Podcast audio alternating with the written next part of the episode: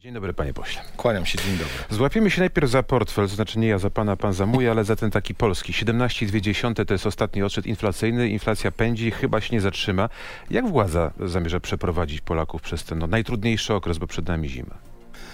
No to jest wyzwanie przed każdym odpowiedzialnym rządem i tutaj oczywiście żadne pocieszające zestawienie, ale znacznie gorszą sytuację mają obywatele i mieszkańcy znacznie bogatszych państw niż Polska, tak jak Tylko, Holandia, prezes jak, jak LBP Niemcy. mówił, że ma spadać, tak? Że szczyt już ma być za nami, a teraz okazuje się, że według ostatnich takich prognoz ana- analityków nawet w przyszłym roku nie spadnie inflacja. No i okazuje się, chociaż nie, no tutaj nie byłbym aż takim pesymistą, no my jesteśmy w, akurat w dniu, w którym kolejna z agencji ratingowych utrzymała dosyć wysokie, mimo wszystko, w, mimo całej tej sytuacji, o której pan mówił, ja też nie chciałbym być postrzegany tutaj jako jakiś zaklinacz rzeczywistości, tak, Ta- e, ten problem dotyka wszystkich, dotyka e, każdych gospodarstw domowych w Polsce, wysoka inflacja, wysokie stopy e, procentowe, no może już w tym wypadku nie wszystkich, tylko tych, którzy zaciągnęli kredyty, ale to, co się dzieje w e, światowej gospodarce, w europejskiej gospodarce, siłą rzeczy e, odbija się na portfelach, na jakości życia również Polaków. I to nie jest też tak, że, że jak chcieliby jedni przedstawiać jakiś taki zupełnie oderwany od rzeczywistości obraz, że Polska jest tutaj, tak jak to nasi poprzednicy czasami w kryzysie, szczególnie w tych latach 2008-2014 mówili, że, że Polska jest tutaj jakąś zieloną wyspą. Nie jesteśmy ani zieloną wyspą, ani samotną wyspą. Jesteśmy integralną częścią europejskiej gospodarki, światowej gospodarki. Tylko- Problem jest, No ale właśnie. na szczęście, na szczęście, to warto podkreślić, y, dzisiaj u steru władzy jest y, odpowiedzialna ekipa, odpowiedzialny rząd y, i staramy się niwelować Nawet kolejne tarcze. rząd tak trudna sytuacja zmiecie. Wczoraj Paweł Kowal powiedział właśnie, że Polacy będą mieli dość, tu zacytuję jego słowa, sprzątną tę władzę wcześniej. Wcześniej, Ale czyli pan- przed wyborami.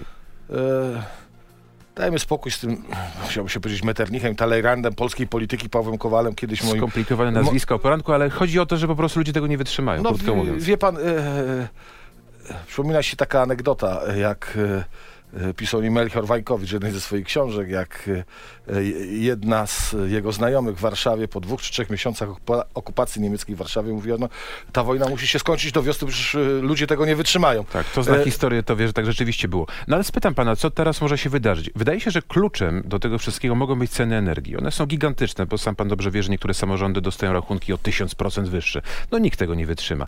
Marże od sprzedaży prądu też są bardzo wysokie. Czy nie można byłoby zrobić tak, że prąd będzie po prostu sprzedawany w Polsce po cenie produkcji? Jest znacznie niższa niż ta finalna.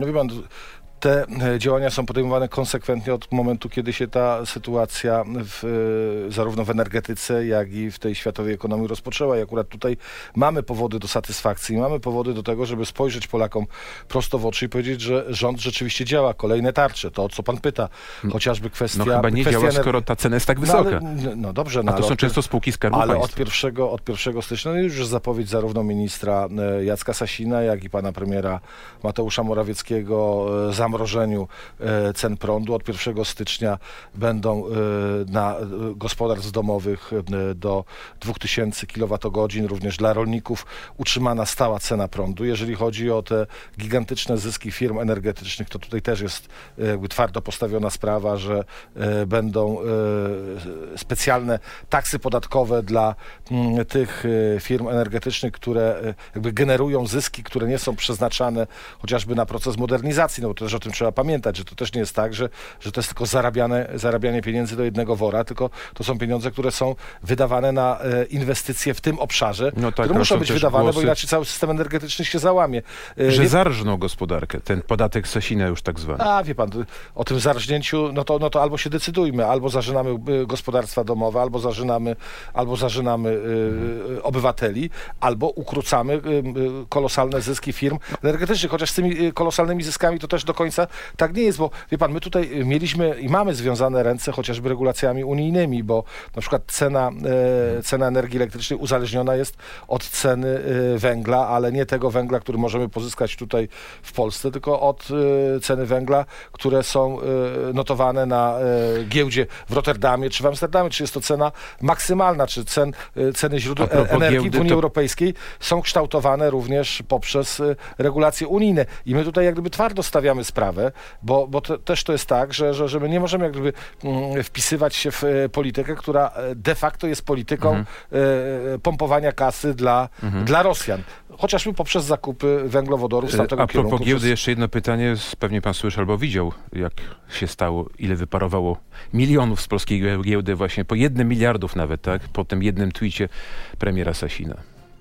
No wie pan, ale to, to że, że Ktoś zarobił, ktoś stracił. To, że e, e, panika w obszarze takiego wirtualnego obrotu pieniędzmi powoduje czasami gwałtowne wzrosty, czasami gwałtowne spadki, no to to trzeba brać e, pod uwagę. No jeszcze raz, można, można kierować się zasadą prowadzenia polityki ekonomicznej czy gospodarczej z początku lat 90., czy, czy z czasów, kiedy u władzy byli tak zwani liberałowie i wszystkie działania, które wtedy były podejmowane, były nastawione na multiplikację zysków tych najbogatszych, również w tym wydaniu firm czy korporacji międzynarodowych, a można prowadzić politykę taką, którą zaprezentował e, rząd pani premier Beaty Szydło, a dziś kontynuuje rząd Mateusza Morawieckiego, czyli nie wychodzimy z kryzysu, ewidentnego kryzysu, bo tu pełna zgoda z panem redaktorem i z tymi wszystkimi, którzy mówią, że rzeczywiście polska gospodarka wchodzi w e, czas no, olbrzymich perturbacji, bo z jednej strony kryzys energetyczny, a z drugiej strony kryzys finansowy i ekonomiczny, tylko to są jak gdyby połączone naczynia, tak?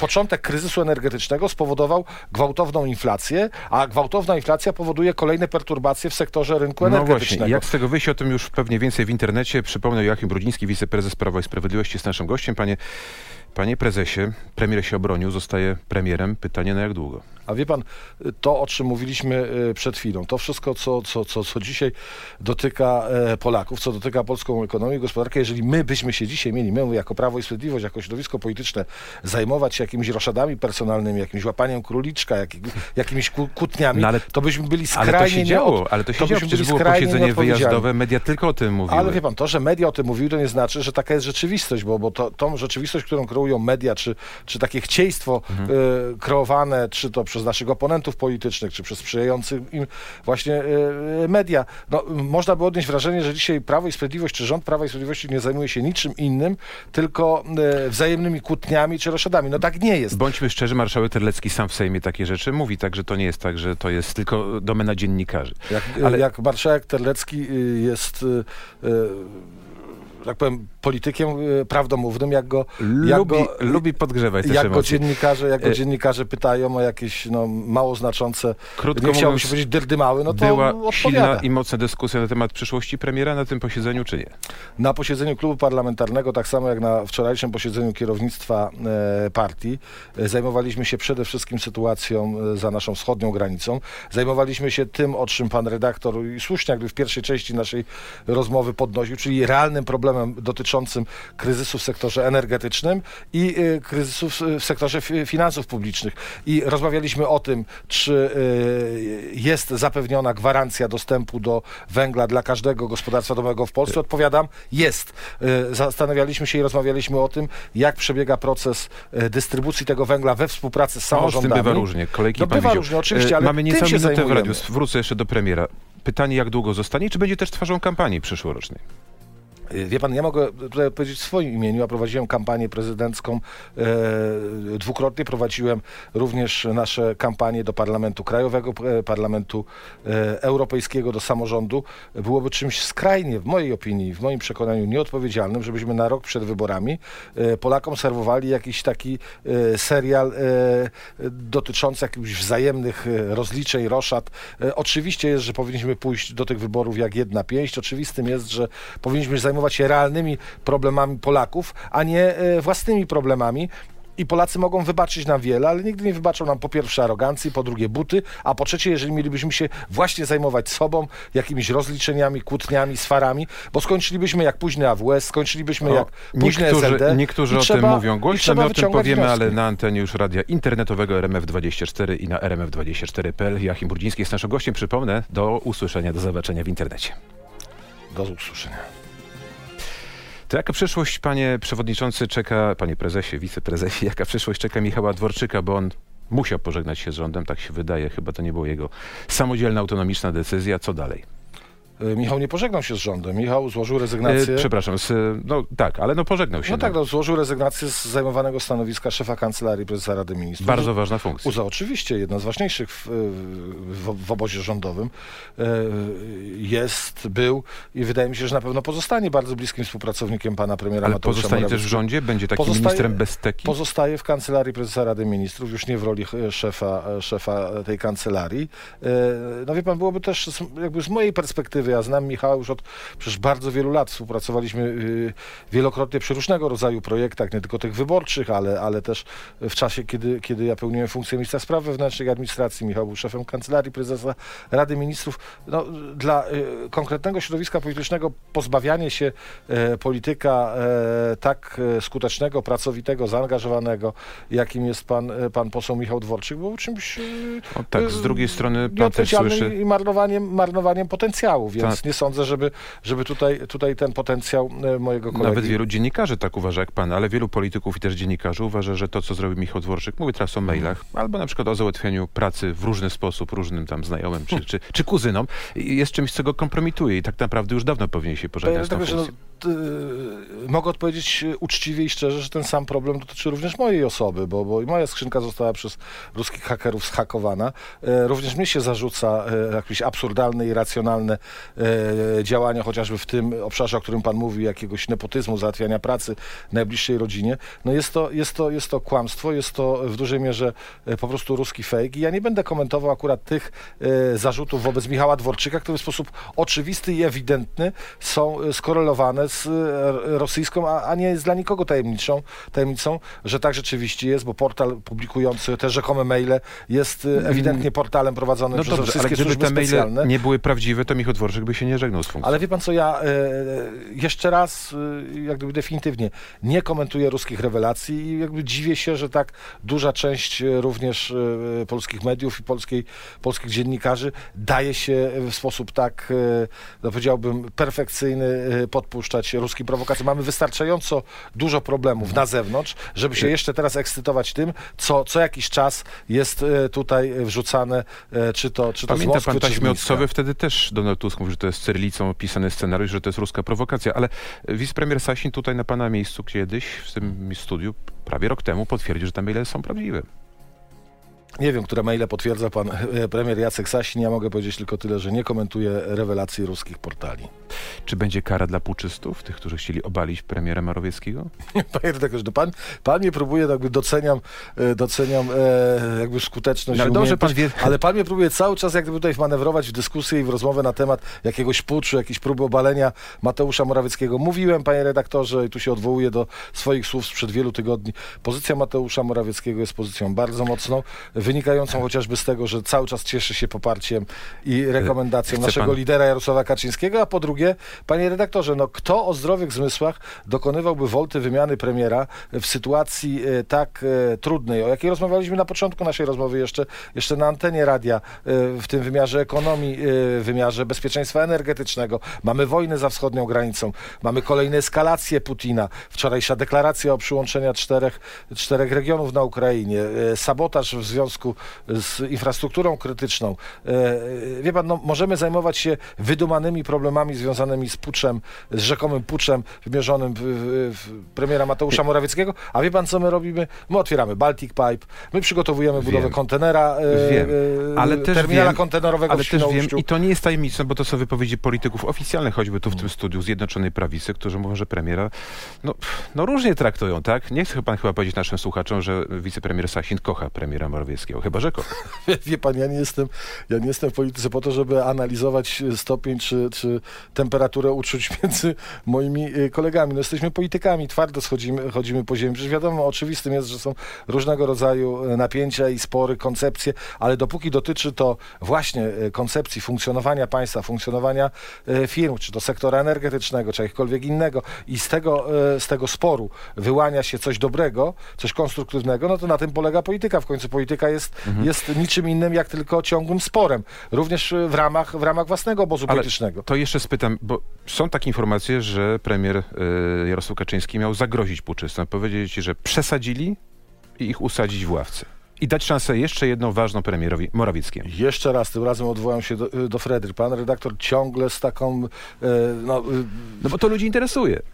Tak, to, to ludzi interesuje. No to właśnie y, nie kto inny jak Fredrow włożył w usta Papkina słowa, bo dziś ładne, bo dziś modne, co zabójcze, co szkaradne. No, chciałby pan redaktor, żebym opowiadał o jakichś szkaractwach dotyczących jakichś naszych wzajemnych relacji w naszym obozie. No nie jest tak. My naprawdę skupiamy się na tym, co jest dzisiaj najważniejsze. Skupiamy się na inflacji, skupiamy się na pomocy najuboższym, skupiamy się na pomocy rolnikom, skupiamy się jak przejść suchą nogą przez ten rzeczywiście kryzys, który wszystko na to wskazuje, będzie swoimi konsekwencjami i reperkusjami sięgał No dalej nawet niż wielki kryzys lat 30. ubiegłego wieku, więc, bo To- bo to przecież widzimy dzisiaj i w gospodarce amerykańskiej, e, widzimy jak e, Fed podniósł e, stopy procentowe w USA, widzimy jak rośnie właśnie inflacja w takich państwach jak, jak czy to USA, ale czy to Holandia, czy Niemcy. Wie pan, ja jeżdżę bardzo często przez Niemcy, jeżdżę przez Holandię, jeżdżę przez Belgię. Nigdy nie zdarzyło mi się, abym widział paliwo w Holandii czy w Belgii tańsze przy autostradzie niż e, w Niemczech. Czasami zajeżdżam do sklepów przed mm,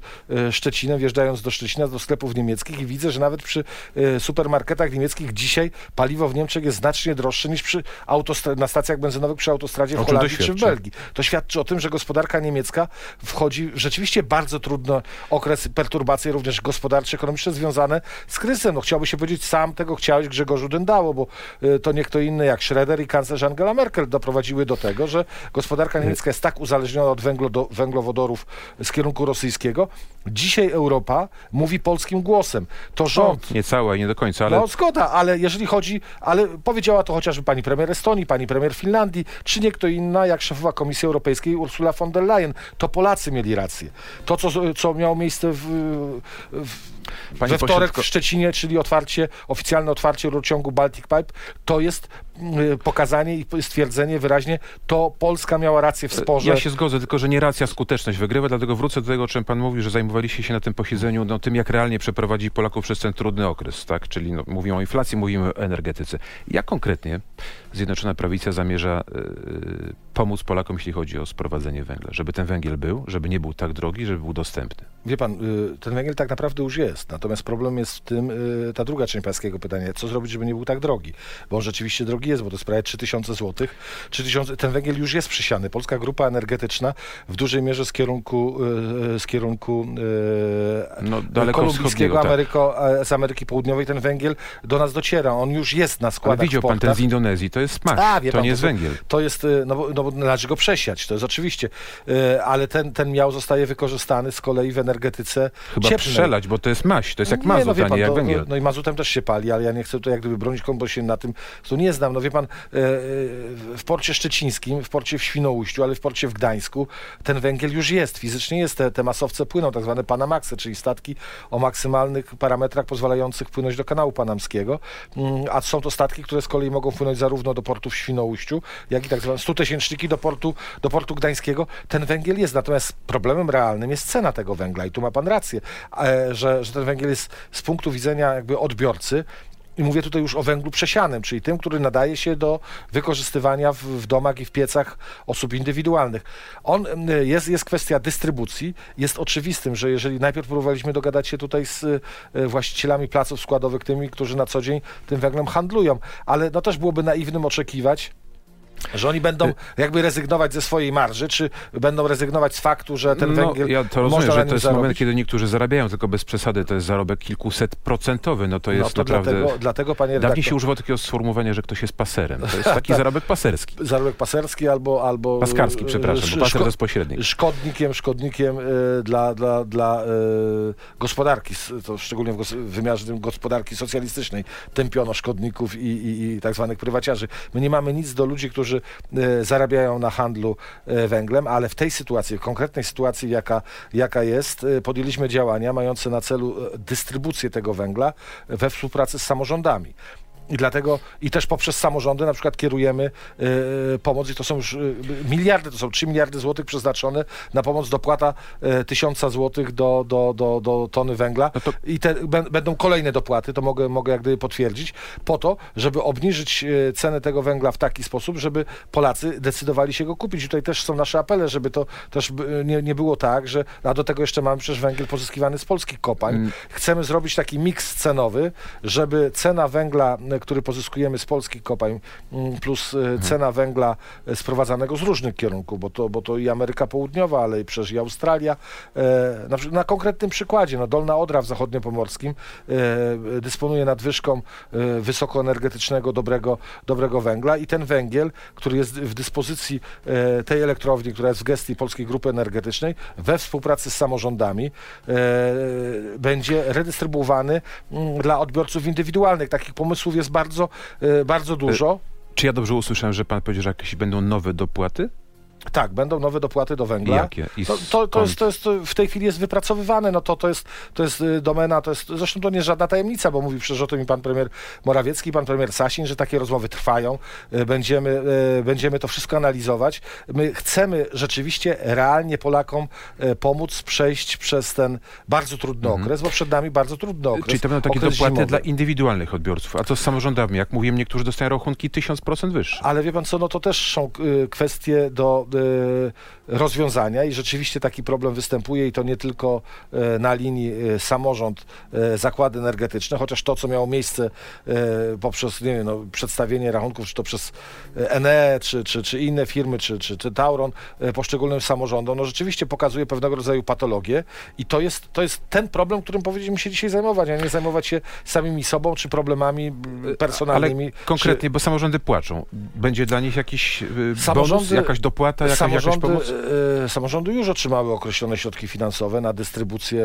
e, Poprzez samorządy chcemy redystrybuować tę pomoc dla e, Polaków. Samorządy są w tej chwili na etapie wypracowywania z rządem całej metodologii i techniki jakby dystrybucji węgla poprzez, poprzez właśnie samorządy, żeby unikać tutaj tego spekulacyjnego, tej spekulacyjnej podbijania ceny. Samorządy cały czas są naszymi partnerami. To nie No. jest wróg naszego e, rządu, a wręcz przeciwnie. To, to Traktujemy kiedy samorządy w dostaną to sposób wsparcie? Bo zima idzie, tak? Oni Ale mówią, dostają. wiele, wiele Panie- samorządów mówi, że nie ma z ale to wie pan, no to też jest, to też jest tak, że, że, że ile, ile, Gdańsk, ile by, Poznań, ile by, Piotrków tak, Trybunalski. Tak, tak, Gdańsk, Poznań. No ale to, to, też to są, Radom. to są, to są, no też Radom, to są akurat przedstawiciele, włodarze tych, tych miast, są znani z, że tak powiem, z życzliwości i z obiektywności, jeżeli chodzi, obiektywizmu, jeżeli chodzi o cenę współpracy. Ile by nie nasypać do samorządu y, Gdańska, mówię, przepraszam za taki kolokwializm, nasypać środków finansowych, to zawsze będziemy y, słyszeć mało,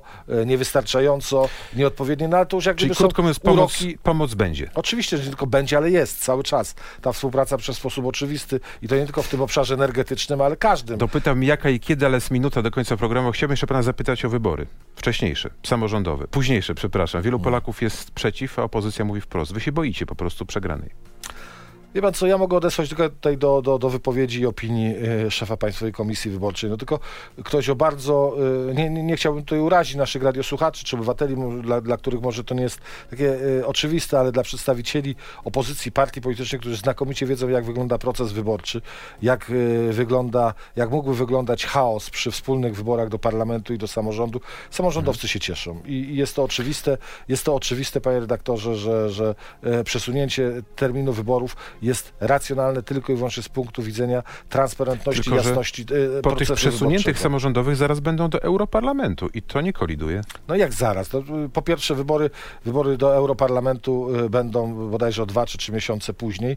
No Y, to po pierwsze, a po drugie, a tutaj praktycznie te wybory na siebie nachodziły i były nakładane. Poza tym proces skomplikowania wyborów do Europarlamentu, gdzie jest znacznie mniej kandydatów, są zupełnie inne okręgi wyborcze, jest tylko okręgów 13 wyborczych do Europarlamentu, jest znacznie, znacznie łatwiejsze i mniej, powiedziałbym, y, absorbujące niż wybory do y, Parlamentu Krajowego i wybory samorządowe, które z punktu widzenia samorządów lokalnych są niezwykle istotne i ważne, no bo to są jakby najbliższa koszula ciału, tak? Dla mnie najbliższy jest zegar, a ten mówi, że na- nasza rozmowa niestety musi się skończyć. Żałuję bardzo, ale może jeszcze będzie okazja w najbliższym czasie. Joachim Brudziński, wiceprezes Prawa i Sprawiedliwości Europoseł był naszym gościem. Dobrego dnia. Wzajemnie. Dziękuję. Do serdecznie. Do usłyszenia. usłyszenia.